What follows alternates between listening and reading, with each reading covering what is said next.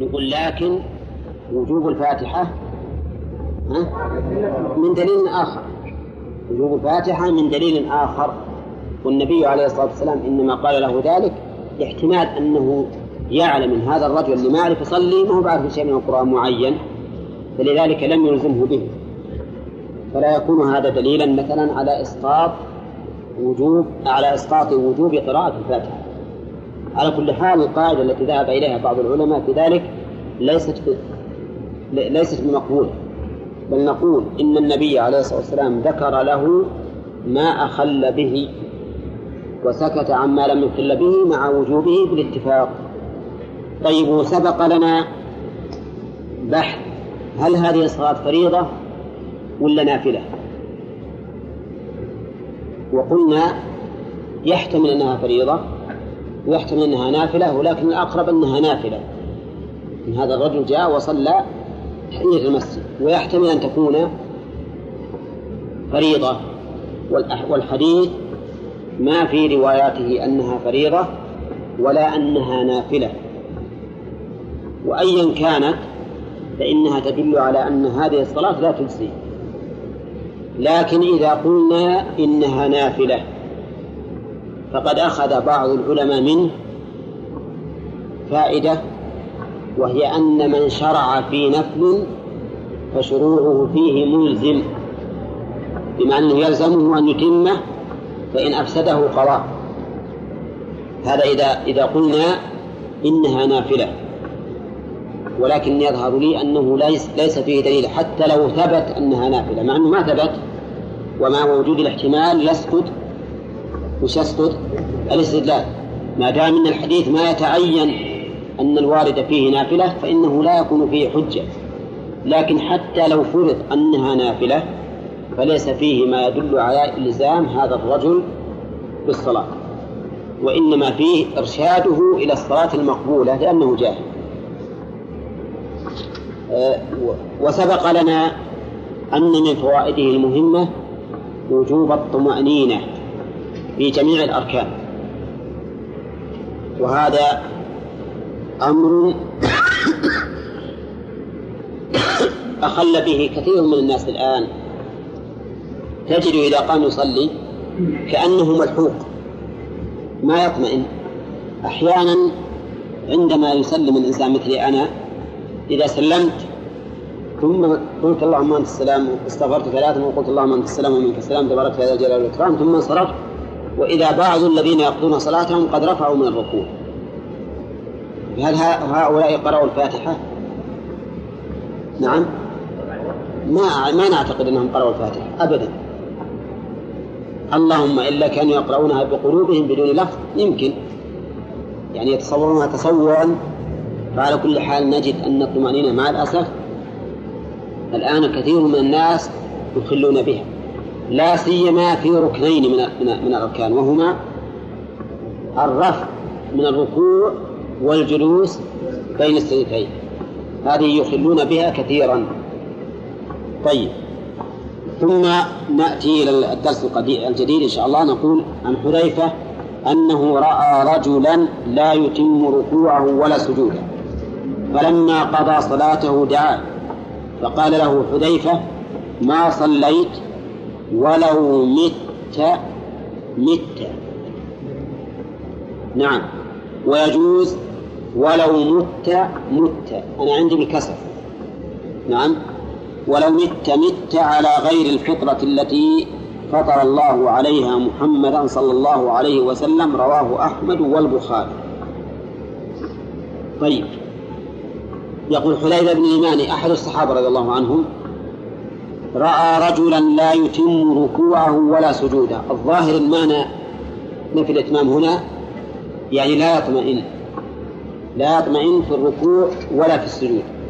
أو أنه لا يصل إلى حد الركوع الواجب ولا إلى السجود الواجب وهو إما لنفي الطمأنينة وإما لنفي الكيفية الواجبة.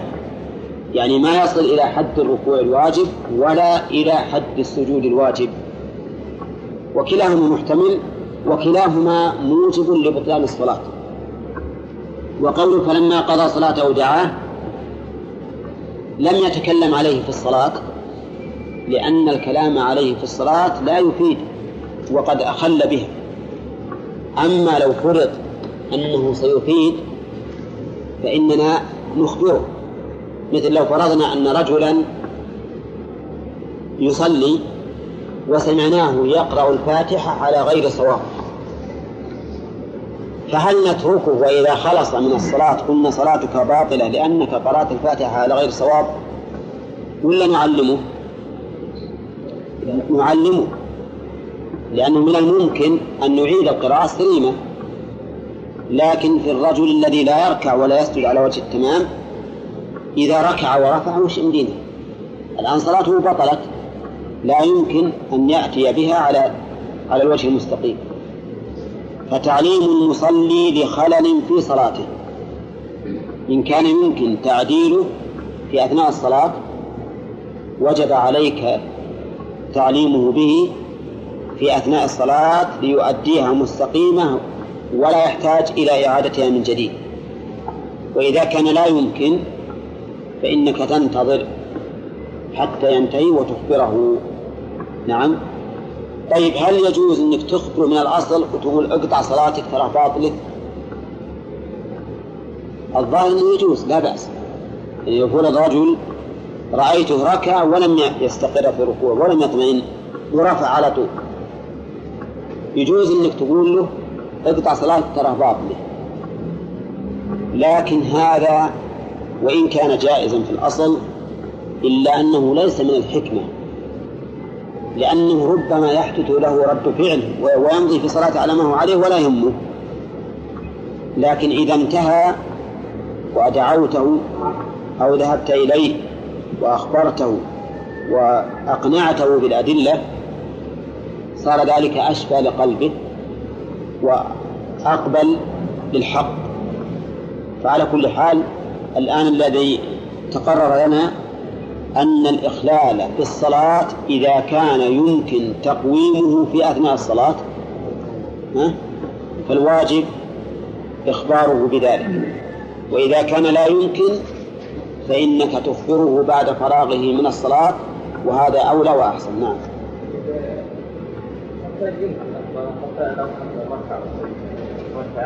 نعم. إيه.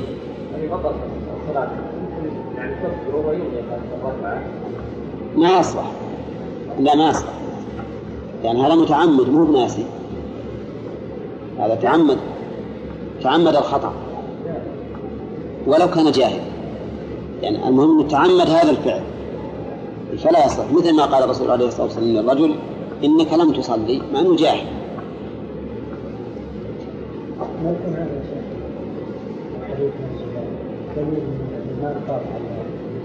يعني إيش؟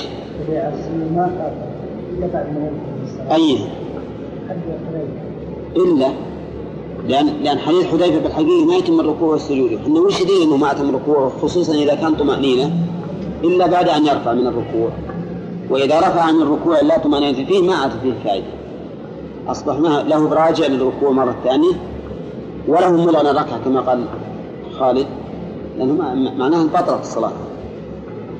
طيب وقوله ما صليت؟ هذا النفي نفي للفعل ولا نفي للصحة؟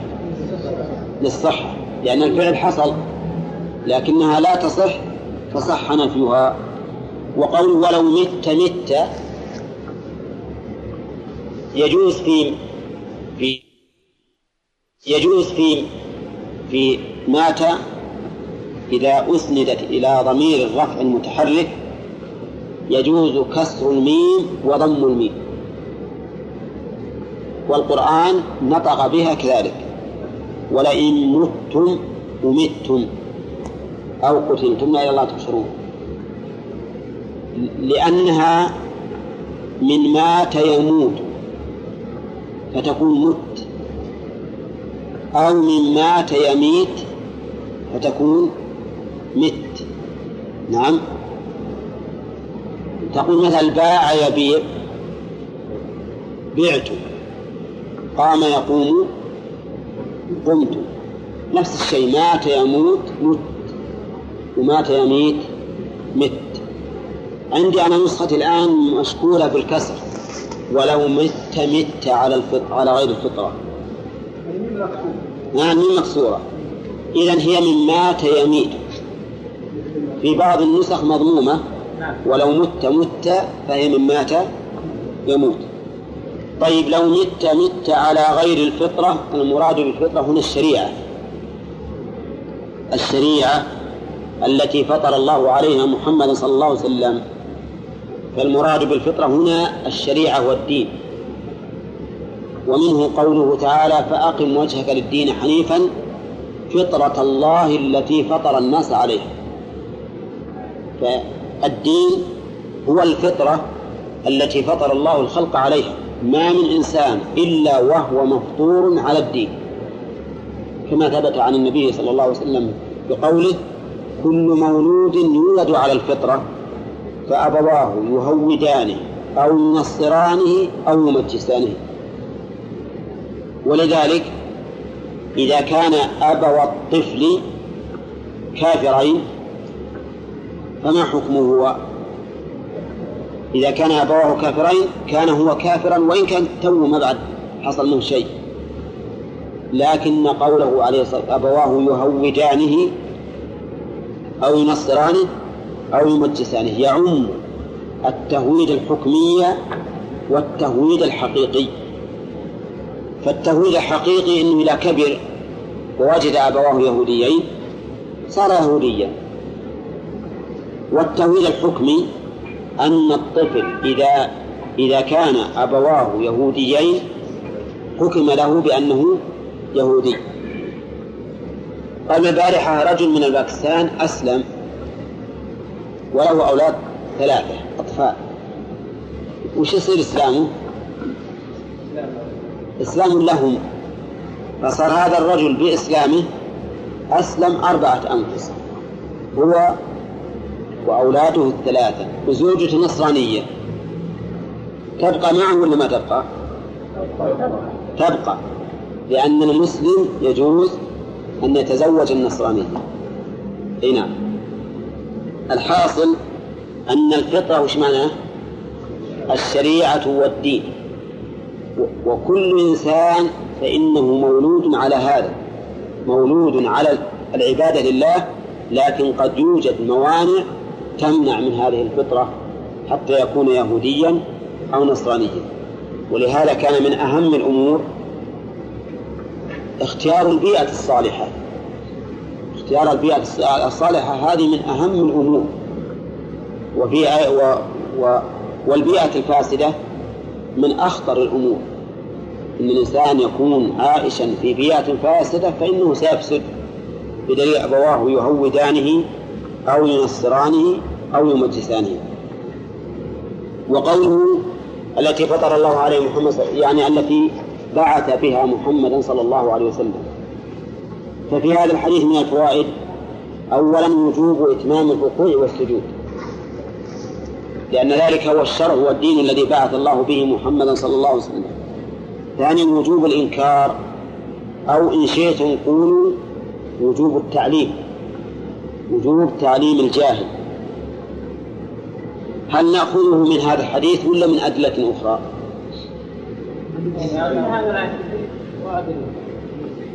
ها؟ إيه من أدلة أخرى في الحقيقة لأن هذا الحديث ما فيه إلا فعل صحابي فقط وإذا كان فعل الرسول عليه الصلاة والسلام لا يدل على الوجوب الفعل المجرد فكيف بفعل الصحابة؟ لكن فيه مشروعية تعليم الجاهل وكونه وكون ذلك واجبا مأخوذ من أدلة أخرى فإنه يجب على العالم أن يعلم الجاهل. لقول النبي صلى الله عليه وسلم بلغوا عني ولو آية. طيب هل هناك فرق بين التبليغ وبين الأمر بالمعروف والنهي عن المنكر؟ ها؟ طيب وش الفرق يا خالد؟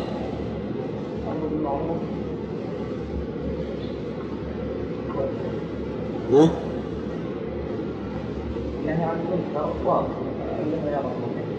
طيب ما التنبيه فهو يعني يبلغ الناس سواء طلبوا منه كالعادة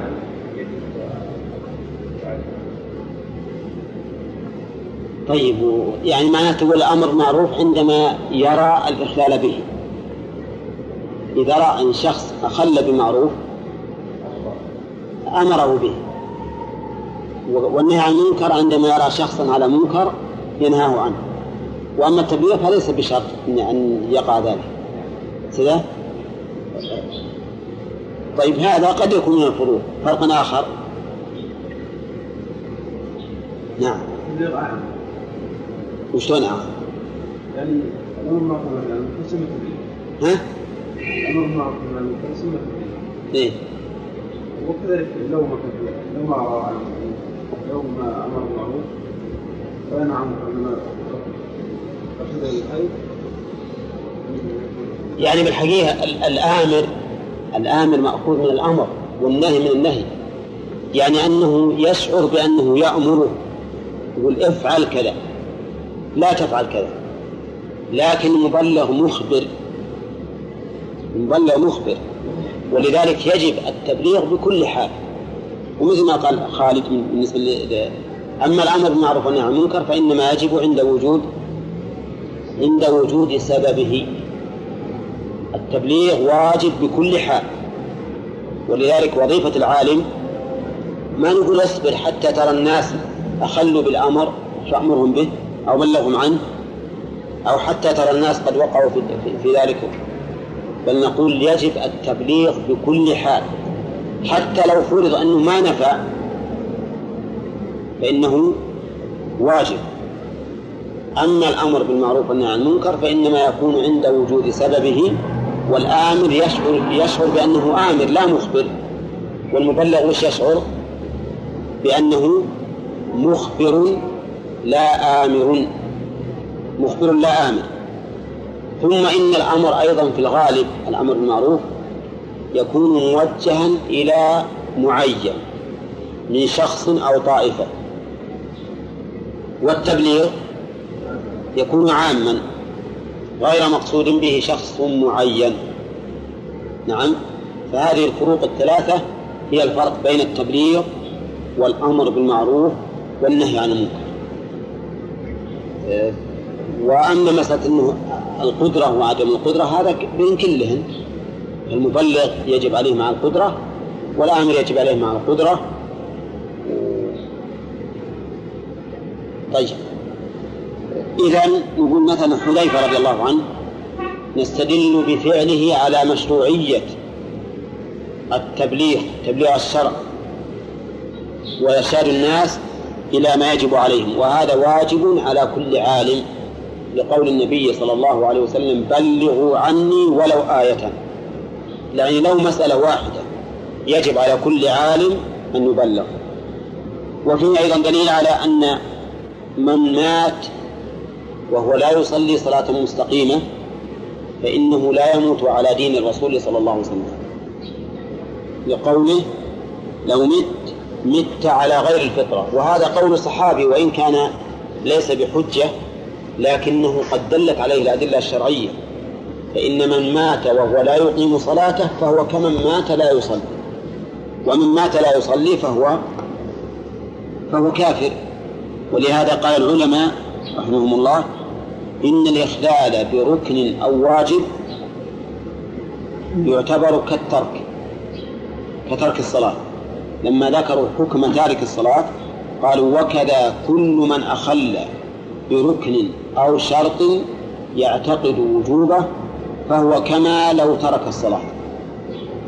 فلو فرضنا الإنسان يعتقد وجوب قراءة الفاتحة وصلى ولم يقرأ الفاتحة قرأ غيرها من القرآن فإن هذا الرجل كمن كمن لم يصلي يعني أنه يحكم بكفره حيث حكمنا بكفر تارك الصلاة.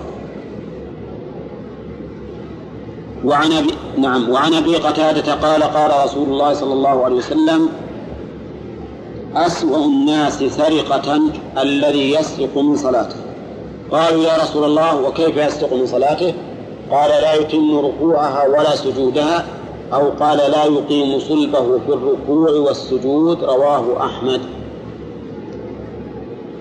قوله عليه الصلاة والسلام أسوأ الناس السرقة في هذا دليل يعني أقبحهم سرقة أسوأهم يعني أقبحهم.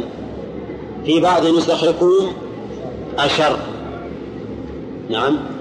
وكلمة أشر لا أعرفها محفوظة. الذي يعرف أسوأ لكن على تقدير أنها محفوظة وأنها أشر ففيها استعمال شاذ وهو وجود الهمزة في كلمة شر. فإن الهمزة في خير وشر تحذف هذا هو الاستعمال المضطرد في اللغة العربية. تقول هذا شر من هذا وهذا خير من هذا. لكن يجوز بقلة نادرة أن تلحقها الهمزة فتقول هذا أشر من هذا وهذا أخير من هذا. لكن الأكثر في اللغة العربية حذف الهمزة. والسرقة هو أخذ الشيء بخفية. هذه السرقة. أخذ الشيء بخفية يسمى سرقة. أما أخذه علنا وجهرا فليس بسرقة. وقوله الذي يسرق من صلاته. في هذا دليل على أن السرقة لا تختص بالمال بل تكون بالمال وبالأعمال أيضا. قالوا كيف يسرق من صلاته؟ فقال لا يتم ركوعها ولا سجودها وفي لفظ لا يقيم أو أو قال هذا شك من الراوي. أو قال لا يقيم صلبه في الركوع والسجود. وهذا هو معنى قوله لا يتم ركوعها ولا سجودها لأنه إذا كان لا يقيم صلبه في الركوع والسجود فإنه في الحقيقة لا يتم ركوعها ولا سجودها طيب إقامة الصلب في السجود وإقامة الصلب في الركوع كيف هو؟ معناه أن يأتي به الإنسان على حسب ما جاءت به الشريعة فإقامة كل شيء بحسبه. في الركوع أن يحنيه حتى يصل إلى حد الركوع وفي السجود كذلك أن ينزل به حتى يصل إلى حد السجود. وقد بين النبي صلى الله عليه وسلم الأعضاء التي يجب السجود عليها. ففي هذا الحديث من الفوائد. أولا اختلاف الأعمال. وأن الأعمال تتفاضل سوءا وحسنا. لقوله أسوأ الناس سرقة. وهذا هو مذهب أهل السنة والجماعة. أن الأعمال تتفاضل وأن الإيمان يتفاضل. فالإيمان عند أهل السنة والجماعة يتفاضل. يتفاضل في كيفيته وفي كميته. في كيفيته بعض الناس يكون أقوى إيمانا من الآخر بحسب العقيدة. عقيدته أقوى وأثبت. وفي الكمية إذا قلنا إن الأعمال من الإيمان وهو الصحيح وهو الحق فالإيمان ت... الأعمال تتفاضل في الكمية ولا لا؟ نعم ليس من صلى ركعتين كمن صلى أربع ركعات مثلا من صلى أربع ركعات فهو أكثر فالأعمال إذن الإيمان يتفاضل كيفية وكمية ما الدليل على ذلك؟ الدليل على ذلك أن أن إبراهيم عليه الصلاة والسلام قال قال رب أرني كيف تحيي الموتى. قال أولم تؤمن بأنني أحيي الموتى؟ قال بلى. ولكن ولكن ليطمئن قلبه. يعني ليثبت ويزداد إيمانا. فدل ذلك على أن الإيمان يزداد كيفية.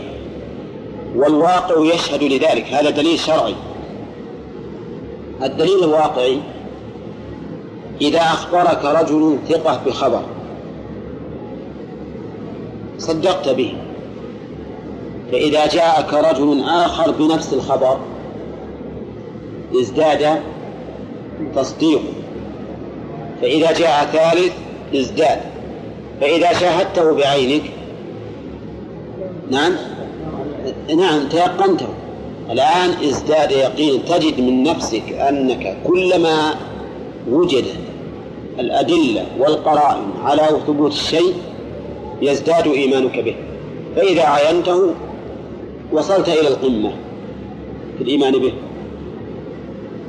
بالنسبة للكمية قلنا إنه إن زيادة الإيمان في الكمية ينبني على القول بأن الأعمال من الإيمان. والقول من بأن الأعمال من الإيمان هو الحق هو الحق.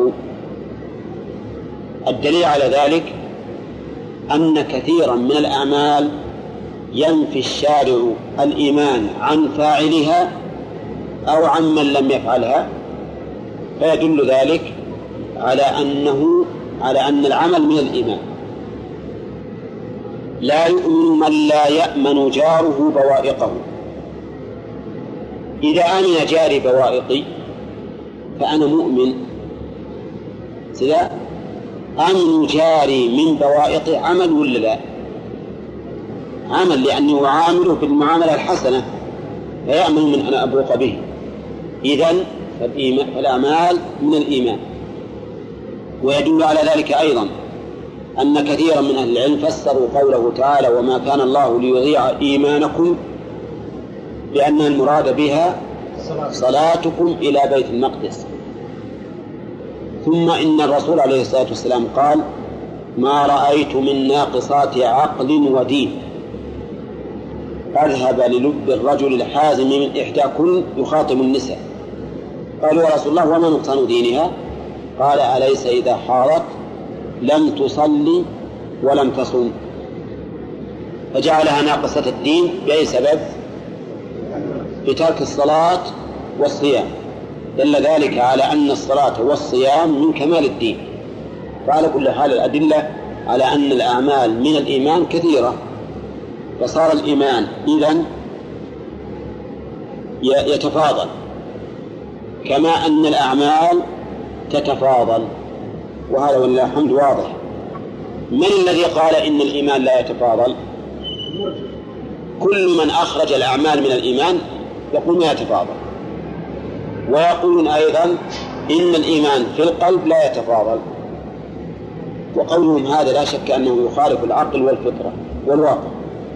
كيف الإيمان ما في القلب ما يتفاضل؟ إذا معناه إيمان محمد صلى الله عليه وسلم وإيمان أفسق الناس اللي يؤمن بربه يصير واحد على رأيه. أليس كذلك؟ والأمر والواقع يشهدان بكذب هذا هذا القول. طيب فيها أيضا دليل على أن السرقة لا تكون خاصة بالأموال تكون في الأموال وفي الأعمال. وفيها أيضا دليل على أن الصلاة أهم الأعمال. لأن النبي صلى الله عليه وسلم جعل الإخلال بها أسوأ الإخلالات أسوأ السرقات السرقة من الصلاة. وفيه دليل على أن من لم يأتي بالصلاة كاملة فقد سرقها أولى وجه أنه سرقة لأن لأن الإخلال في الحقيقة قد يكون خفيا ما يظهر للناس لأنه بين العبد وبين ربه. فيكون هذا شبيها بالسرقة التي يأتي الإنسان بخفية ويأخذها. وفيه دليل أيضا على جواز الخطاب بالمجمل لكن بشرط أن يبين إما في الحال أو فيما بعد من ناخذه من أن الصحابة ما فهموا كيفية السرقة في الصلاة. فطلبوا من النبي صلى الله عليه وسلم أن يبين ذلك فبينه. فيجوز مثلا أن تخاطب إنسانا بخطاب مجمل لكن بشرط. الشرط أن تبين له ذلك الإجمال حتى لا يقع في أمر مشكل عليه. إذا ما فائدة الخطاب بالأمر المجمل؟ ثم البيان. هنا تشويق النفس إلى التطلع إلى معرفته فيأتي البيان والنفس متطلعة إليه ويكون ذلك أبلغ وأثبت في النفس. وفيه دليل على وجوب إتمام الركوع والسجود بإقامة الصلب فيهما حتى يصل إلى حد الركوع وإلى حد السجود. لأن النبي صلى الله عليه وسلم بين أن السرقة هو الذي لا يتم ركوعها ولا سجودها. ولأحمد من حديث أبي سعيد مثله إلا أنه قال كيف ولأحمد إذا عندكم أنتم. وروله من رواه. بس. شوف هو الشرط لأن مقتضى العادة أنه يقول وله من حديث أبي سعيد. يقول الحديث أخرجه أيضا الطبراني الكبير إيه. والأوسط. قال في مجمع الرواة ورجاله ورجال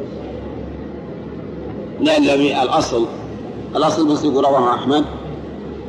طيب الحديث الثاني وش يقول؟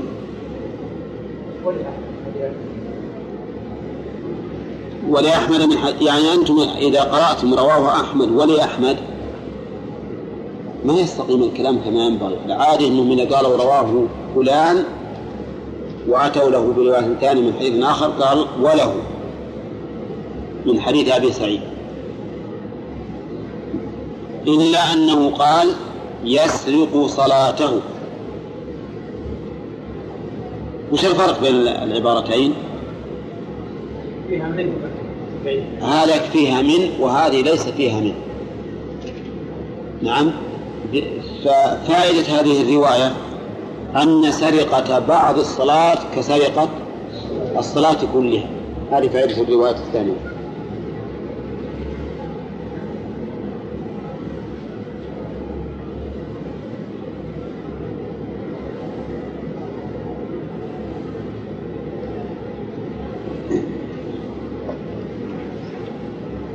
ما ناخذ الباب الثاني ما بقي الا ثلاث دقائق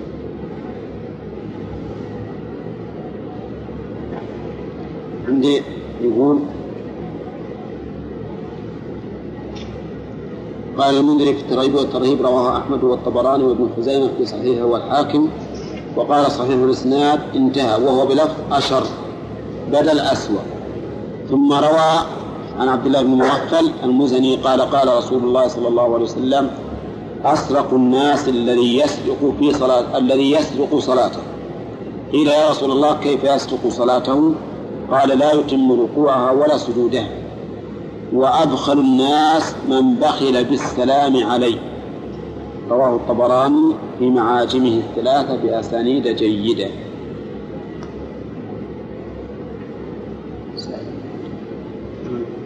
نعم.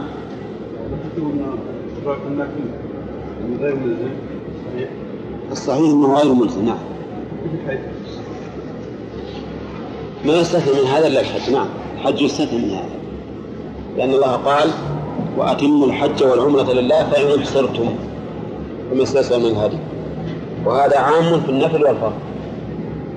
ليس في القضاء يعني قضاء واجب؟ ما يجوز آه، قطعه لأن الواجب ما يجوز قطعه لا لا أداء ولا قضاء.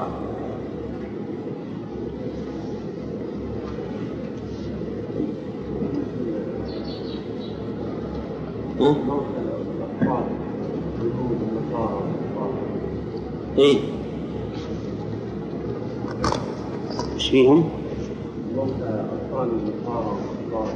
نقول الله أعلم بما كانوا عاملين إنما في الدنيا نعاملهم بأحكام بأحكام آبائهم.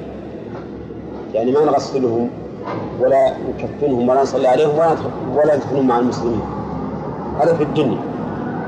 وأما في الآخرة فنقول الله أعلم بما كانوا عاملين مثل ما قال النبي صلى الله عليه وسلم. وقد جاء في السنن أنهم يمتحنون يوم القيامة بعبادات الله أعلم بها. فمن أطاع دخل الجنة ومن عصى دخل النار. نفس الشيء الكفار ومثلهم الكفار الذين لم تبلغهم الدار هنا. أو بلغتهم الشوق المهم لم لم تبلغهم الدعوة لأن حتى مشوهة الظاهر أن تقوم عليهم حجة بذلك. لأنه بإمكانهم أن يسألوا أن يسألوا. أما إذا كان ما يمكنهم يسألون أيضا مثل فرضنا عامة الناس اللي, اللي في أماكن بعيدة لا يستطيعون الاتصال بالعالم الإسلامي ولا العالم الإسلامي لم يتصل بهم وهم سمعوا الشرع من خبثائهم بأنه مشوه هؤلاء مثل الذين لم يبلغوا.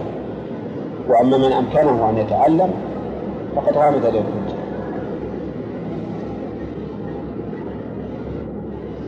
نعم. سمع سليمان كويس.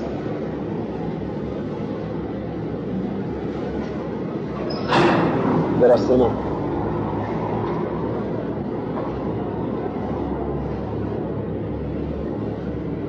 فإن فعل فعليه ما فإن فعل فعليه مع القضاء لا بد أن نعيد نعم. لا بد أن نعيد الأول لأن ما أحطنا به أمس الحمد لله رب العالمين والصلاة والسلام على رسول الله قال رحمه الله تعالى فمن فعل فعليه مع القضاء المعروف اليوم. فإن مات ولو بعد رمضان ولو بعد رمضان. مات وعليه صوم وخوف صوم مات وعليه صوم وخوف أو إفطار أو صلاة نذر فحج لولي قضاء فحج لولي قضاء نعم بسم الله الرحمن الرحيم. الحمد لله رب العالمين والصلاة والسلام على نبينا محمد وعلى آله وأصحابه أجمعين. سبق لنا أنه يجب على الصائم اجتناب المحرمات.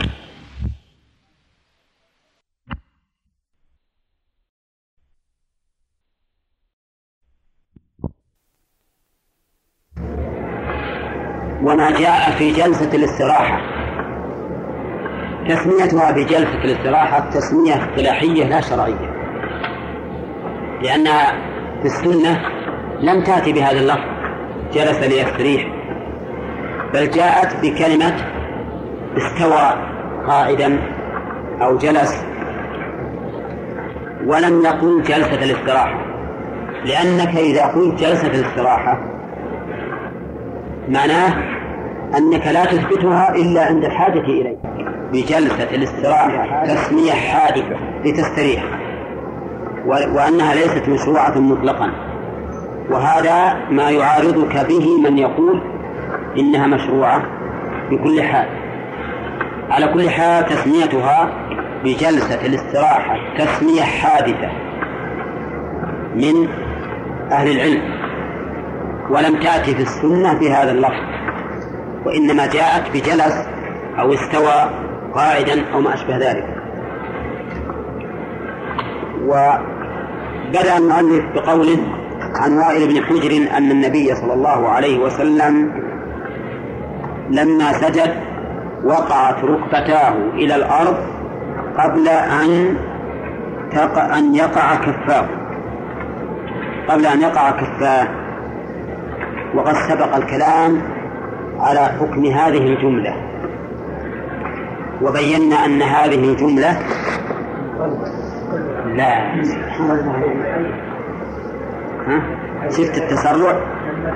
أنت وتسمع بفوائد التفسير؟ ما بدك تتسرع طيب.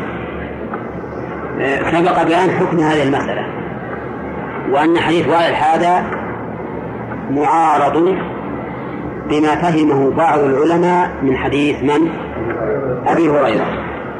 إذا سجد أحدكم فلا يبرك كما يبرك البعير وليضع يديه قبل ركبتيه.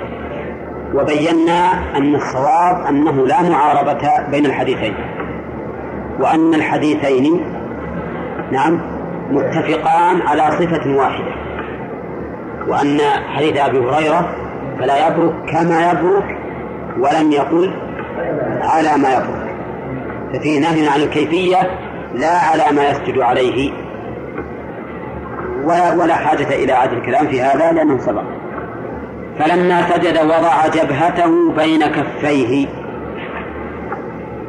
قول وضع جبهته بين كفيه ظاهره أنه قدم اليدين حتى كانتا حذاء الجبهة وهو إحدى الصفتين في السجود. والصفة الثانية أن يضعهما حذو منكبيه حذو منكبيه والذي في مسلم ما يوافق هذا الحديث أنه كان عليه الصلاة والسلام إذا سجد سجد بين كفيه وعلى هذا فيقدم اليدين حتى يكونا حذاء الجبهة. وهذا أيضا أبلغ في المجافات. إذا تقدمهن يصير أبلغ في المجافات وأبين. وفيه أيضا آه، قوله وجاف عن إبطيه تقدم الكلام عليه أيضا وأنه يجافي إلى حد إيش؟ بيان وضح إبطيه. بيان وضح إبطيه. وإذا نهض نهض على ركبتيه واعتمد على فخذيه رواه أبو داود. يعني إذا نهض ما ينهض على يديه ينهض على ركبتيه. من اليد الأرض يدفع بين الأرض لأجل أن يقوم. ويعتمد على الفخذين يعتمد على الفخذين هكذا. يعني هكذا. هكذا يعتمد على الفخذين والفقهاء يقولون إنه يعتمد على الركبتين. إذا نهض يعتمد على الركبتين. و ولعلهم اخذوه من قوله إذا نهض نهض على ركبتيه وجعلوا قوله واعتمد على فخذيه يعني طرف اليد على الفخذ. ويكون الطرف الثاني على الركبة. لكن ظاهر الحديث خلاف ذلك. ظاهر الحديث أنه يعتمد على الركبتين عند النهوض يعني يدفع بين الأرض لأجل ينهض وأن وأما اليدين في نصرن على الفخذين هذا هو الأصل والأمر في ذلك واسع إنما على هذه الكيفية هل يكون هناك جلوس ولا لا؟ ها؟ ما في جلوس ما دام إنه بيعتمد على يقوم على ركبتيه ويعتمد على فخذيه معناه ما فيه نهوض ولا اعتماد على الأرض. وبهذا أخذ جمهور الفقهاء على أنه لا يسن للمصلي أن يجلس للاستراحة أن يجلس عند القيام إلى الثانية أو القيام إلى الرابعة. لا يجلس بكل حال. هذا ما أخذ به أكثر أهل العلم من الفقهاء. و نعم. ما بعد وصلنا اصبر شوي. انتظر قليلا انتظر. أقول انتظر قليلا. هذا الحديث الذي معنا يدل على أنه لا لا ينبغي له الجلوس وإنما السنة أن ينهض بدون جلوس. قلنا بهذا أخذ جمهور أهل الفقه من المذاهب المتبوعة. كأصحاب الإمام أحمد ومالك وأبي حنيفة وغيرهم. وذهب الشافعي إلى ما يقتضيه حديث مالك بن الحويرث أنه رأى النبي صلى الله عليه وسلم يصلي فإذا كان في وتر من صلاته لم ينهض حتى يستوي قاعدا رواه الجماعة إلا مسلما وابن ماجه. هذا الحديث لا شك أنه أصح من الحديث الأول. لأن الأول أعله بعض أهل العلم بالإرسال والانقطاع. لكن هذا ما أحد أعله بالسند. حديث صحيح ولا فيه إشكال. كان الرسول عليه الصلاة والسلام إذا كان في وتر من صلاته لم ينهض حتى يستوي قاعدا. إيش معنى يستوي؟ يعني يستقر. يستقر قاعدا ثم ينهض. هذه الجلسة هي التي سماها المؤلف جلسة الاستراحة لكنه قد ينازع في هذه التسمية لأنك إذا سميتها بجلسة الاستراحة لزمك أن تقول لا تجلس إلا عند الحاجة والأمر غير مسلم عند بعض أهل العلم.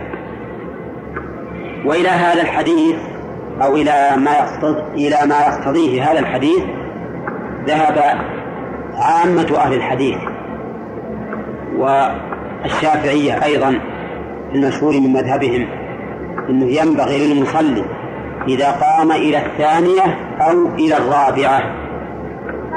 نقول أو إلى الثالثة. وراه أي الثالثة جلوس التشهد نعم. إنه ينبغي له أن يجلس لكنها جلسة يسيرة. يعني بمقدار ما يستوي فقط ويستقر ثم ينهض. ما هي طويلة؟ ثم هذه الجلسة ما فيها في هذا الحديث ما فيها دليل كيف يجلس. هل يجلس مفترشا أو متوركا أو مستوفزا؟ إنما الظاهر أنه يجلس مفترشا. ولهذا الذين قالوا إنها تستحب قالوا إنه يفترش. يفترش بها ولا تورك لأن ما في تورك إلا في جلوس يعقبه سلام يعقبه سلام هذا ما يعقبه السلام فيكون مفترشا. نعم. لا لا ما هي افتراش. ها؟ لا لا افتراش فقط. افتراش فقط. طيب. الذين قالوا بأنها لا تسن جلسة الاستراحة وأخذوا بحديث وائل بن حجر بماذا يجيبون عن هذا الحديث؟ أجابوا عن هذا الحديث بأنه إنما فعله النبي عليه الصلاة والسلام لا للتعبد ولكن للحاجة إلى ذلك واستدلوا عليه بأن مالك بن حويرث قدم على النبي صلى الله عليه وسلم في آخر حياته وهو يتجهز لغزوة تبوك.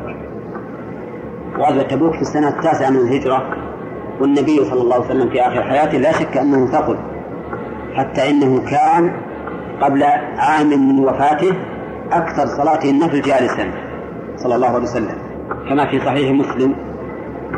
فقالوا إن الرسول عليه الصلاة والسلام في آخر حياته أخذه اللحم وكبر سنه وصار يحتاج إلى هذا الجلوس وإن لم يكن حاجة ملحة لكن الرسول عليه الصلاة والسلام مشرع فهو يشرع لأمته كل ما كان أسهل عليه. وإن كان وإن كان ما نقول إحنا إنه ما يقدر يقوم. ربما يقدر يقوم ويستطيع. فنقول إن الحاجة هنا ليست ملحة لكن نظرا لمحبة النبي صلى الله عليه وسلم للتيسير والتسهيل صار يشرع لأمته إنه عند أقل حاجة يخفف الأمر. ومعلوم أن الرجل إذا كبر فإن اعتماده على فخذيه وقيامه على وقيامه على الركبتين فيه نوع من المشقة. وإن لم تكن المشقة التامة ففعلها النبي صلى الله عليه وسلم من أجل حاجته إليها لأنها لأن مالكا وافاه في آخر عمره. وقد ثبت عنه صلى الله عليه وسلم أنه كان في آخر عمره ثقل به اللحم حتى كان يشق عليه أن يصلي قائما في النفل فكان يصلي جالسا. نعم. وأيضا في صحيح البخاري أن مالك بن حويرث وصف صلاة النبي عليه الصلاة والسلام فجلس واعتمد على الأرض ثم قام. ومعلوم أن الجلوس والاعتماد على الأرض عادة إنما يكون ها؟ الواحد إذا صار تزيد. تجد عندما يبي يقول تلقى لها يعتمد. ولهذا في بعض الأحاديث التي ضعفها النووي وصححها الألباني إنه كالعاجل يعني كان فيها عجل قال انسدها نعم. وهذا عادة إنما يكون ها؟ عند الحاجة في الحقيقة. صار الإنسان يحتاج إلى أنه يعتمد على الأرض ويقوم فهذا ظاهر في أن الرسول صلى الله عليه وسلم فعلها عند الحاجة إليها وإن لم نقل إنها الحاجة الملحة. لأن طيب هذا ما دافع به الذين يقولون بأن جلسة الاستراحة لا تسن. نعم. إلا عند الحاجة إليها لمرض أو ثقل في الجسم أو كبر وإلا فالأولى أن لا يجلس وقالوا أيضا في دفاعهم عنها إنها لو كانت جلسة مقصودة لذاتها لكان لها ذكر مشروع كما أننا لأننا نرى من جميع الأركان الفعلية المقصودة لذاتها كلها فيها فيها ذكر ولا لا؟ القيام له ذكر والركوع له ذكر والقيام بعد الركوع له ذكر والسجود له ذكر والجلوس بين السجدين له له ذكر. فلو كانت هذه الجلسة مقصودة لذاتها ومما يشرع في الصلاة مطلقا لكان لها ذكر. لكان لها ذكر. طيب الذين رأوا أنها مشروعة في كل حال قالوا إن الأصل فيما فعله النبي عليه الصلاة والسلام في العبادة التشريع الأصل أنها مشروعة وأن الرسول ما يفعل شيئا إلا لكونه مشروعا. كونكم تدعون إنها, إنها لحاجة فإن النبي صلى الله عليه وسلم لم يصل إلى حد يعجز فيه عن النهوض مباشرة. هكذا الدعوة. ثم إن النبي صلى الله عليه وسلم قال لمالك بن حويرث الذي رآه يجلس هذه هذه الجلسة قال صلوا كما رأيتموني أصلي. صلوا كما رأيتموني أصلي. وفي الحقيقة أن هذا أقوى ما يحتجون به على المشروعية المطلقة. لأن قوله لمالك بن حويرث وهو يخاطبه وهو شاب مالك بن حويرث كما جاء في حديثه أنه كان قدم إلى النبي عليه الصلاة والسلام ومعه نحو عشرين رجلا كلهم شباب. فكان يقول صلوا كما رأي كما رأيتموني أصلي. وقد رآه يصلي ويجلس. هذه الجلسة. وهذا يقتضي أن تكون الجلسة مشروعة للشاب والشيخ والضعيف والقوي. هذا في الحقيقة أقوى ما يحتجون به. وهو حجة قوية مفحمة في الحقيقة تقتضي أن تكون هذه الجلسة مشروعة لكل مصل. لكن قد يقول قائل في الرد على هذا إن خطاب النبي صلى الله عليه وسلم لواحد من الأمة خطاب للأمة جميعا. وهذا واضح. والنبي عليه الصلاة والسلام رؤي يصلي في أول عمره بدون هذه الجلسة وفي آخر عمره بهذه الجلسة. فإذا أردنا أن نطبق صلوا كما رأيتم يصلي. نقول نصلي إذا كنا شبابا كما رأيناه من قبل. يصلي بدون جلسة. ونصلي في هذه الحال التي التي وافاه عليها مالك بن حويرث كما رأيناه يصلي بجلسة. لا الجلسة بين السجدتين هذه ركن. لا هذه جلسة إذا بغيت تقول من السجدة الثانية للركعة الثانية. أو من السجدة الثانية للركعة الرابعة. تجلس يسيرا وتقوم على طول. الذي يقرب الذي يظهر لي وليس الظهور الكامل أن هذا هو الصواب وأن هذه الجلسة مشروعة إذا احتاج الإنسان إليها ولو أدنى حاجة طلبا للتسهيل والتيسير. أما ما يفعله العامة عندنا هؤلاء الذين يجلسون سواء مفترشين أو مستوفزين يجلسون طويلا حتى إن الإمام ينتصف في قراءة الفاتحة وأحيانا ربما يخلص من الفاتحة ويشرع في السورة اللي بعدها فهذا لا شك أنه خلاف السنة وأنها لا تصح صلاتهم أيضا لأن القيام في الفريضة إيش حكمه؟ ركن فإذا خلوا به في في في ركعة فإنها لا تصح صلاتهم طيب الذين يرون أنها لا تسن مطلقا كما هو المشهور من مذهب الإمام أحمد لا أعرف لا أعرف لقولهم وجها. الحقيقة لا أعرف لقولهم وجها. نعم. وهو؟ اي نعم. اي نعم بس لكن ما له وجه انها ما تسمى مطلقا. يعني يرون حتى لو كبرت واحتجت إليها لا تجلس. ما لا إحنا نقول إنها مشروعة لأن ما دام إن الشرع يحب التسهيل ما دام الشرع إنه يحب التسهيل فلتكن مشروعة. فتكون مشروعة. بناء على القاعدة الشرعية محبة التسهيل على الأمة. وإلا صحيح انه نقول مباحة مع انهم قالوا لا يجلس. يحتمل لا يجلس مطلقا يعني ويرونها من المكروهات. ويمكن لا يجلس يعني لا يسن أن يجلس. من هذا النفي نفي للاستحباب لا نفي للفعل. على كل حال الذي نرى إن أقرب ما يكون في هذا أن تكون مشروعة عند الحاجة إليها. ولا ولا ولا اعتراض على هذا في الحقيقة إلا أن الرسول عليه الصلاة والسلام قال لمالك بن حويرث وهو شاب ولمن معه؟ قال صلوا كما رأيتموني أصلي لكن ردنا على هذا أن الخطاب للواحد خطاب للأمة جميعا. فإذا صلينا كما رأيناه يصلي نقول رأيناه يصلي في قبل هذه الحال على حسب حديث وائل. ورأيناه يصلي في هذه الحال على على حسب حديث مالك بن بن الحويرث هذا ما أظنه أرجح. ولكن ليس, ليس معنى ذلك إن رجحانه بحيث أن الكفة تضرب الأرض والكفة الثانية تصل إلى منتهى الميزان لا رجحان بسيط يعني. رجحان بسيط. ليس بذاك القوي عندي هذا الراجح. وتعرفون الترجيح أحيانا إذا وضعت في كفة الميزان حجر ثقيل. نعم. يضرب إلى الأرض. والحجر الثاني أما الكفة الثانية. ها؟ تطير إلى السماء. نعم لكن هذا ليس كذلك. هذا يمكن حبة شعيرة أو شعرة بردون كما ليس كثيرا. نعم.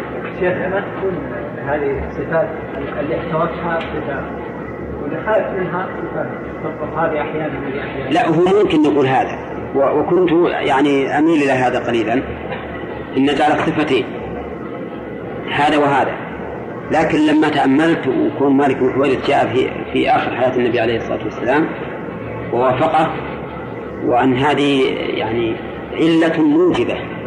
يعني ثقل الإنسان ويشق عليه النهوض بسرعة. علة موجبة لهذا الفعل. كأنه يترجح عندي هذا الشيء. كأنه يترجح عندي هذا الشيء. ولذلك كنت بالأول وسبحان الله العظيم نسأل الله يهدينا وإياكم الصراط المستقيم حتى نستقر.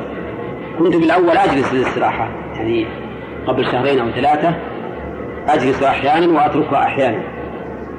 نظرا إلى أني رجحت في يوم من الأيام إلى أنها كما قلت صفتان جائزتان كغيرها من الأشياء الواردة في صفة الصلاة. لكن كلما تأملت وتأملت وتأملت وجدت أن هذه العلة التي أشاروا إليها أنها علة موجبة في الحقيقة للحكم. موجبة للحكم فترجح عندي كما قلت لكم ترجيحا يسيرا جدا أنها تكون عند الحاجة مشروعة وعند عدم الحاجة فالأفضل عدمها نعم.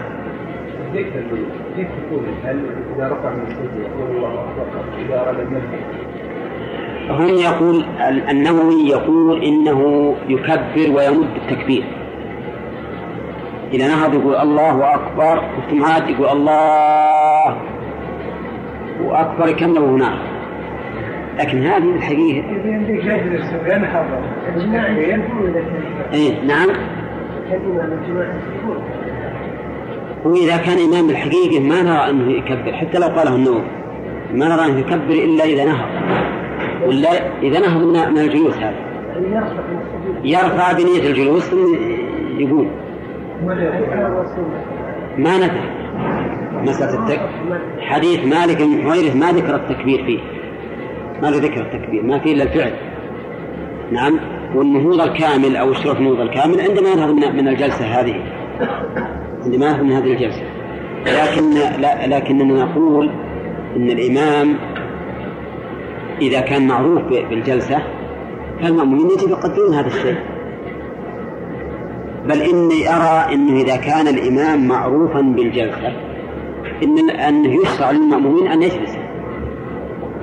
يعني إذا كان الرسول عليه الصلاة والسلام يقول إذا صلى قاعدا فصلوا قعودا أمر بمتابعته حتى في القعود الذي الجلوس فيه الذي القيام فيه ركن. فكيف لا يؤمر الإنسان بهذا؟ كما أني أرى أيضا أن الإمام إذا كان لا يجلس فليس مشروعا للمأموم أن يجلس ولو كان ممن يرى سنيتها مطلقا. خلافا لما ذهب إليه بعض الإخوان. يجلسون والإمام ما جلس. هذا خلاف السنة لا شك.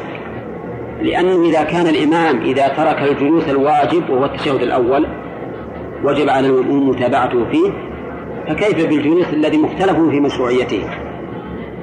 ولهذا يغلط هؤلاء الإخوان الذين يجلسون والإمام لم يجلس. فالحقيقة أن المأموم في جلسة الاستراحة يكون تبعا لإمامه. إن جلس فليجلس وإن لم يجلس فلا يجلس. ليش إن جلس؟ وإن لم يجلس لا ما يجلس دليله واضح. وش السبب الدليل؟ دليله أن الإمام إذا ترك التشهد الأول مع وجوبه وجب على المأموم متابعته فهذا من باب أول. لكن كونه إذا جلس يجلس الإمام المأموم. ها؟ السبب؟ وش الدليل؟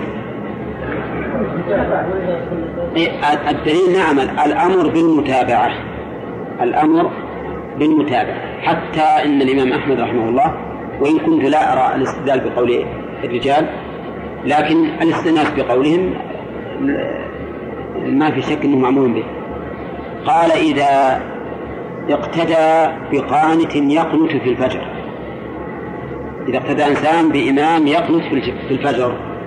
قال إنه يتابعه ويؤمن. يتابعه ويؤمن. تصوروا هذا. لماذا؟ خروجا من الخلاف على الإمام والمشاقة. وحتى الصحابة رضي الله عنهم الذين أنكروا على عثمان إتمامه في في منى كابن مسعود مثلا. يصلون خلفه كم؟ أنكروا عليه إتمام في منى أنه يصلي أربع وحتى إن ابن مسعود لما قيل له إن أمير المؤمنين صلى أربعا قال إنا لله وإنا إليه راجعون. فجعلها من المصائب إن إن الخليفة الراشد يصلي أربعا فيخالف النبي صلى الله عليه وسلم وأبا بكر وعمر. لكن مع ذلك لما صلى معه صلى أربعا. فقيل له يا أبا عبد الرحمن كيف ذلك؟ فقال إن الخلاف شر. إن الخلاف شر. هذا مما يدلك على أن الشريعة الإسلامية جاءت بما يقتضي اجتماع المسلمين وعدم تفرقهم حتى في الأمور التي لا يرونها. فالموافقة كلها خير والمخالفة كلها شر. وما تفرقت الأمة هذا التفرق إلا من أجل اختلافها في أمور دينها الخلاف الذي يؤدي إلى العداوة والبغضاء. لا الخلاف الذي يقول أنت والله ترى هذا الرأي وأنا رأيك على حق. بعض الناس إذا منه خالفك برأيك أو إذا خالفت برأيه تجده مثلا يبغضك أو يتكلم فيك وراك تخالفه برأيه. لا الواجب أنك إذا خالفك برأيك وأنت تعتقد أن هذا الرجل مجتهد وهذا الذي أداه إلى اجتهاده الواجب عليك أنك تحبه أكثر. وش السبب؟ لأنه ما جاملك في في فيما تريد أو في رأيك بل إنما يريد الحق وهكذا كان الصحابة رضي الله عنهم يتخالفون في الرأي ولكن المحبة بينهم سائدة وقائمة يعني ما دام هو يريد الحق وأنا أريد الحق هل معناه أن الحق معي على كل حال؟ أبدا الحق ما يدره معي ولا معه لكن كون يصمم على رأيه ويقول هذا الذي أدين الله به وهذا رأيي وأنا أعتقد أن هذا الذي أداه الاجتهاد وأن رجل يريد الخير فيجب أن تكون مخالفته إياي مما يزيدني محبة له. نعم؟ كما كان السلف الصالح. أما والله هذا الرجل خالق بالرأي وبزعل وليش ما يجي معي؟ صحيح هذا. أنت ما أنت نبي حتى توزن الناس بالأخذ برأيه طيب على كل حال وش إحنا ضيعنا المال متابعة الإمام. أي نعم. إن متابعة الإمام خير. متابعة الإمام خير. والذي نرى في جلسة الاستراحة إذا كان الإنسان مأموما أن يتابع إمامه. فيها إن جلس وفي عدمها إن لم يجلس وإن كان المأموم يراه. وإن كان المأموم يراه. نعم. من؟ الإمام. أي نعم. ما يعلم علمه أنت. علمه. إذا رأيت إن, إن إنه عن علم إذا رأيت أنه عن علم وهو ما يخل بالصلاة. أما إذا كان يخل مثل رجل ما يرى الطمأنينة. إذا كان رجل ما يرى الطمأنينة ما يمكن تتابعه لأن هذا خلاف النص. طيب إذا كنت ما أدري الأخير مثلا. إيه. فالأصل عدم الجلوس. لا ما تجلس. الأصل عدم الجلوس. نعم.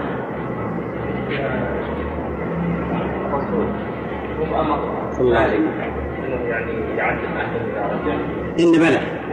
قال علموهم وصلوا كما رأيتموني يصلي الأخير هو ينصف الذي قبله لكن ما لم ما لم نعرف له علة. يعني إحنا يغلب على ظننا من هذا الأخير لعلة. ما الحديث الرسول؟ اخبره بهذا شرعا إيه. لكن النبي عليه الصلاة والسلام يعلم يخاطب الأمة جميعا. ويعلم أن الصحابة رضي الله عنهم الذين يعرفون صلاته يعرفون أنه كان يصلي كذا ثم صار يصلي كذا. والعلة التي أوجبت هذا قائمة وهي ثقل النبي عليه الصلاة والسلام. والأصل النص ولا عدمه؟ الأصل عدم النص فإذا أمكن الجمع كان أولى من ادعاء النص إذا أمكن الجمع كان أولى من ادعاء النص إحنا نقول لولا إن عندنا العلة أو السبب الذي أوجب هذا الجلوس كان قائما لقلنا بالنسخ لو تساوت حال النبي عليه الصلاة والسلام أولا وآخرا لكان النسخ في ذلك ظاهرا. لكنه لما لم تتساوى وكان إحالة الحكم على هذه العلة كان أمرا ما نقول بينا مثل بيان هذه الشمس لكن نقول راجحا بعض الشيء وجب إحالة الحكم عليه. هذا السبب أن رجعنا هذا وأنا قلت لك أجل ما تحرجنا بمثل هذا السؤال. قلت لك أن الرجحان هذا عندي ليس كثيرا ليس كثيرا. إنما لو خيرت بين هذا وهذا لقلت لا لكنت أختار هذا الشيء. إني إن دعتني حاجة إليها ولو يسيرة جلست وما دعتني الحاجة إليها ما أجلس. نعم. هل ورد لا. فيما أعلم ما ورد ما ما كانت حوالي 20 ليلة. لكن رؤية النبي صلى الله عليه وسلم بعدها لا. من باب أولى أنه هو مرئي لأنه كل ما تقدمت به السن ازداد حاجة إليها. بالضرورة لأنه إذا كان أتاه حين وهو يتجهز لغزو تبوك في السنة التاسعة طبعا في السنة العاشرة يكون أشد حاجة إليها وهو مات في أول السنة الحادية عشر نعم. كيف في صلاة الجلسة؟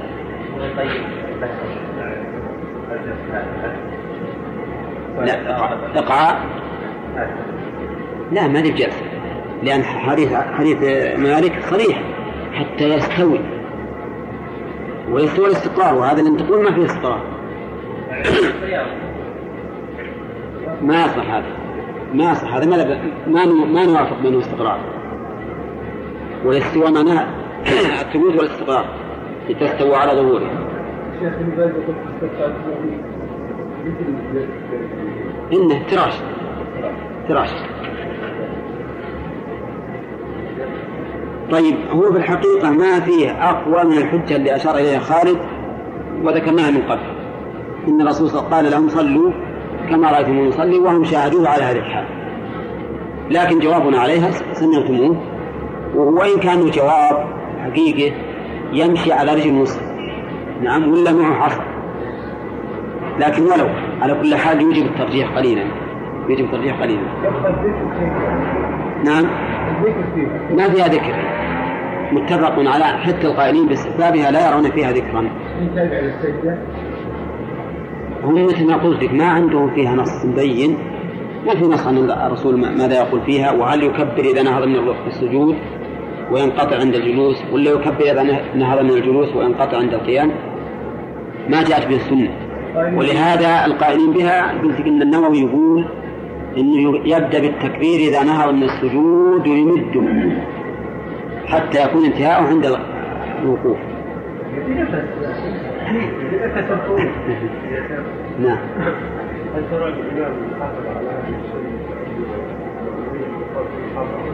شلون؟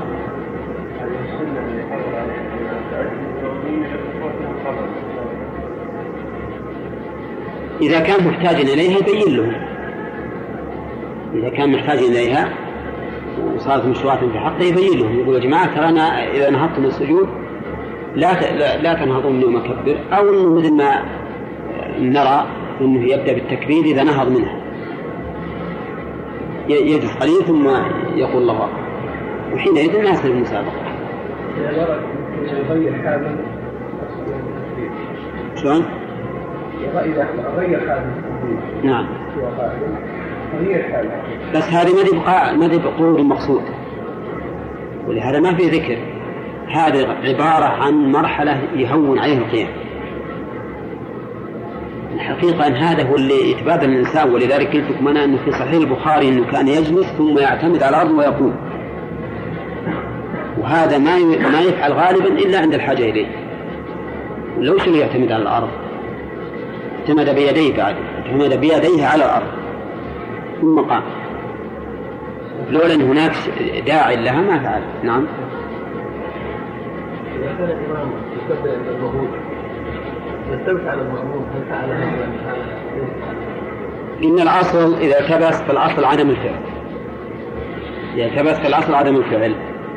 وهكذا كل ما شككنا في وجود شيء أو عدم فالأصل عدمه الأصل عدم. لكن إذا كان معروف أن الإمام يجلس يعني هم هم يعرفون إذا كان يصلي مثلا بالنفل يشوفون يجلس أو أنه قال لهم أو أحد من المسبوقين جاء وهو يقوم من السجود وشافه يجلس. على كل حال يتبين حال الإمام؟ الخلاصة الآن صارت الجلسة هذه سماها أهل العلم جلسة الاستراحة. ونازع بعضهم في هذه التسمية وقال نسميها جلسة ولا نسميها استراحة جلسة استراحة. لأنه ما نوافق على أن الرسول جلس ليستريح. وهذا الذي ينازع فيه من من الذين يقولون باستحبابها مطلقا وأنها جلسة مقصودة في الصلاة كالجلسة بين السجدتين. نعم.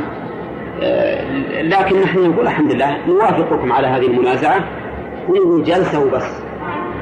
نجل نسلم من النزاع والخصومة ونقول هذه الجلسة هل هي مشروعة أم لا؟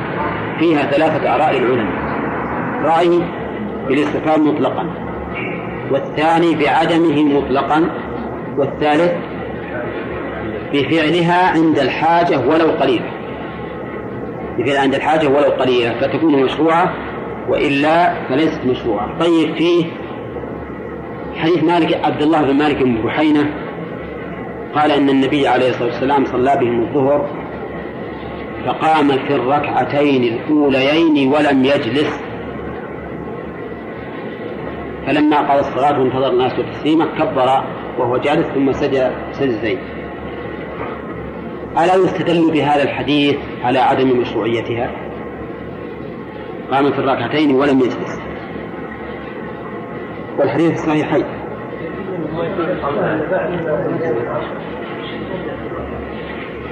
هو مو قال ولم يجلس إلا هو جازم به. ما استمع. لا هذه ما هو جواب. قبل مشروعية ها؟ قبل مشروعية يعني يمكن قبل أن ي... قبل أن يلحق بالنبي عليه الصلاة والسلام أو نقول ولم يجلس جلوس التشهد الأول ما يمكن لأن صحيح نقول ولم يجلس نفي الجلوس مطلقا. نعم. لكن من الممكن أن يقال ولم يجلس الجلوس الذي هذا محله وهو الجلوس للتشهد الأول. أنا في الحقيقة أردت هذا عليكم لأجل أن لا يستدل به أحد عليكم في عدم مشروعيته. لأنه قد يستدل به مستدل ويقول قول ولم يجلس عام. يشمل الجلوس للتشهد ولغيره. إيه هو ناس ما في شك إنه ناس. لكن نقول إنه ولم يجلس يعني للتشهد الأول لأن هذا هو مراد عبد الله بن محينا بلا شك. ومسألة الجلوس ل... ل... يكون هذا الحديث ساكتا عنه. غير داخل في النفي. غير داخل في النفي. نعم. ها؟ هذا ما زيادة لا أصل ما اختلف في قضية معينة. لأن ممكن مثل ما قال الأخ إسماعيل آه، الأخ نعم إسماعيل. من حديث الملك عبد الله بن محينة من قبل في أول عمر النبي عليه الصلاة والسلام كما في حديث وائل. أنه كان ما يجلس.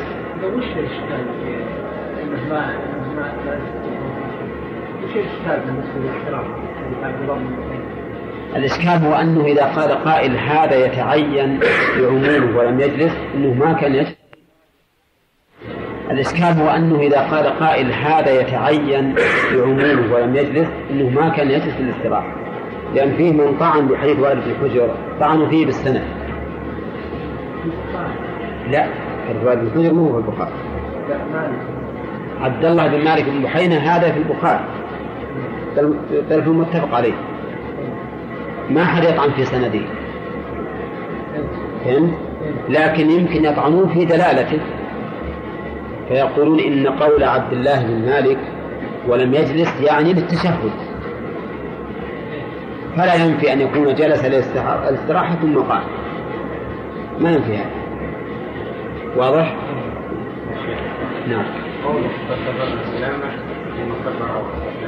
شلون؟ مثل هذا إلا. ما يجعل النقطع لأنه يقصد هو يقين و... نعم يقين يج... قصده ولم يجلس التشهد الأول. لكن لو قال قائل بالعموم ولم يجلس عموما. إيه هذا اللي إحنا نقول نقول إن المراد به الجلوس التشهد الأول. إيه ما في شيء. نعم. لا. لا هذه ما ما لو فعلها الإمام ما نقول إنها أتى بالمشروع إذا قلنا بمشروعيته. ولا نقول نتخلف عن الإمام. لا أظن ما ما التخلف إلى إلى ذاك. ما التخلف لأن هذا ما الجلسه الحقيقة. ما هي الجلسه التي قالها الرسول التي على الرسول. لأن نقول حتى يستوي تدل على الاستقرار. لو ابطا نعم لا إذا ابطا جلسة. يعني إذا أبطى ما نقول جلسة نقول هذا تخلف خلاف المشروع أيضا. إيه؟ وإذا تخلف طويلا. لا. إذا تخلف تخلفا طويلا ولكنه ما وصل الإمام. ما انتقل الإمام عن ركنه ما انتقل عن ركنه فيه ما تبطل صلاته لكن في في قصة البنت هذه يصير يجيها الخلل من جهة ثانية وهي ترك لا ترك ركن القيام. ترك ركن القيام لأن القيام يجب أن يكون في فرض مستوعبا لجميع الركن. إذا من طولها التطويل هذا إن كان نعم العذر لا بأس. وإلا لغير عذر ما يجوز. تبطل صلاته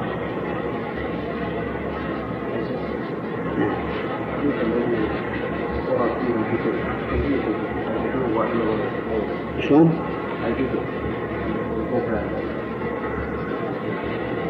جث على ركبتيه ما أعرف.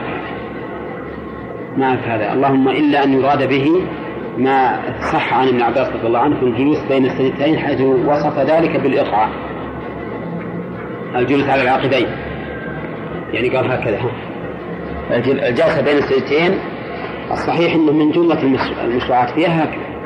هذا استقرار ها؟ استقرار لا هذا يسموه إقعاء لا ما لا استقرار كامل. لا مو باستقرار كامل لا. ها؟ بس بين السفيين هذا مشروع أحيانا نعم. أنه ثبت عن ابن عباس أنه من السنة. باب افتتاح الثاني بالقراءة من غير تعود ولا سكتة. عن أبي هريرة رضي الله عنه قال كان رسول الله صلى الله عليه وسلم إذا نهض في الركعة الثانية افتتح القراءة بالحمد لله رب العالمين ولم يسكت رواه مسلم الشاهد قوله ولم يسكت لأنه لو تعود ها؟ لو تعود لزم أحد أمرين إما أن يكون تعوده جهرا فينافي قوله افتتح القراءة بالحمد لله رب العالمين وإما أن يكون سرا فيلزم أن يسكت وهو قال ولم يسكت. فدل ذلك على أنه لم يتعود في القراءة للركعة الثانية وكذلك الثالثة والرابعة. وبهذا أخذ الفقهاء من الحنابلة وغيرهم. وذهب بعض العلم إلى أنه يتعود في القراءة للثانية. بناء على أن قراءة كل ركعة مستقلة عن القراءة الركعة الأولى. قالوا وإذا وإذا كان الأمر كذلك فإن الله يقول فإذا قرأت القرآن فاستعذ بالله من الشيطان الرجيم. وعلى هذا فلا يقرأ في الثانية إلا متعوذا إلا متعوذا. وأجابوا عن حديث أبي هريرة قالوا ولم يسكت سكوته في الركعة الأولى وهو سكوت الاستفتاح والحديث مطلق ولم يسكت غير مقيد. لكن من أخذ بالعموم قال لم يسكت مطلقا. لا سكوت الاستفتاح ولا سكوت التعوذ. وعلى هذا فقراءة الصلاة من أولها إلى آخرها قراءة واحدة. ولهذا إذا قرأ في الركعة الأولى قل أعوذ برب الناس. ما يقرأ في الركعة الثانية قل أعوذ برب لأن القراءة واحدة وتنكيس الصور مكروه. نعم. آه، وكذلك إذا قرأ في الركعة الأولى والسماء والطارق ما يقرأ بعدها والسماء ذات البروج أو إذا السماء انفطرت. لأن القراءة الثانية لأن القراءة الثانية مبنية على القراءة الأولى بدليل عدم التعود لها. بسم الله أعلم نعم. يكررها نعم. يكررها ولا يقرأ قل أعوذ يعني معنى التأويل يزد بركة الأولى نعم. لا البسملة تبسمل. اي نعم. يقول ها؟ نعم. كان إيش؟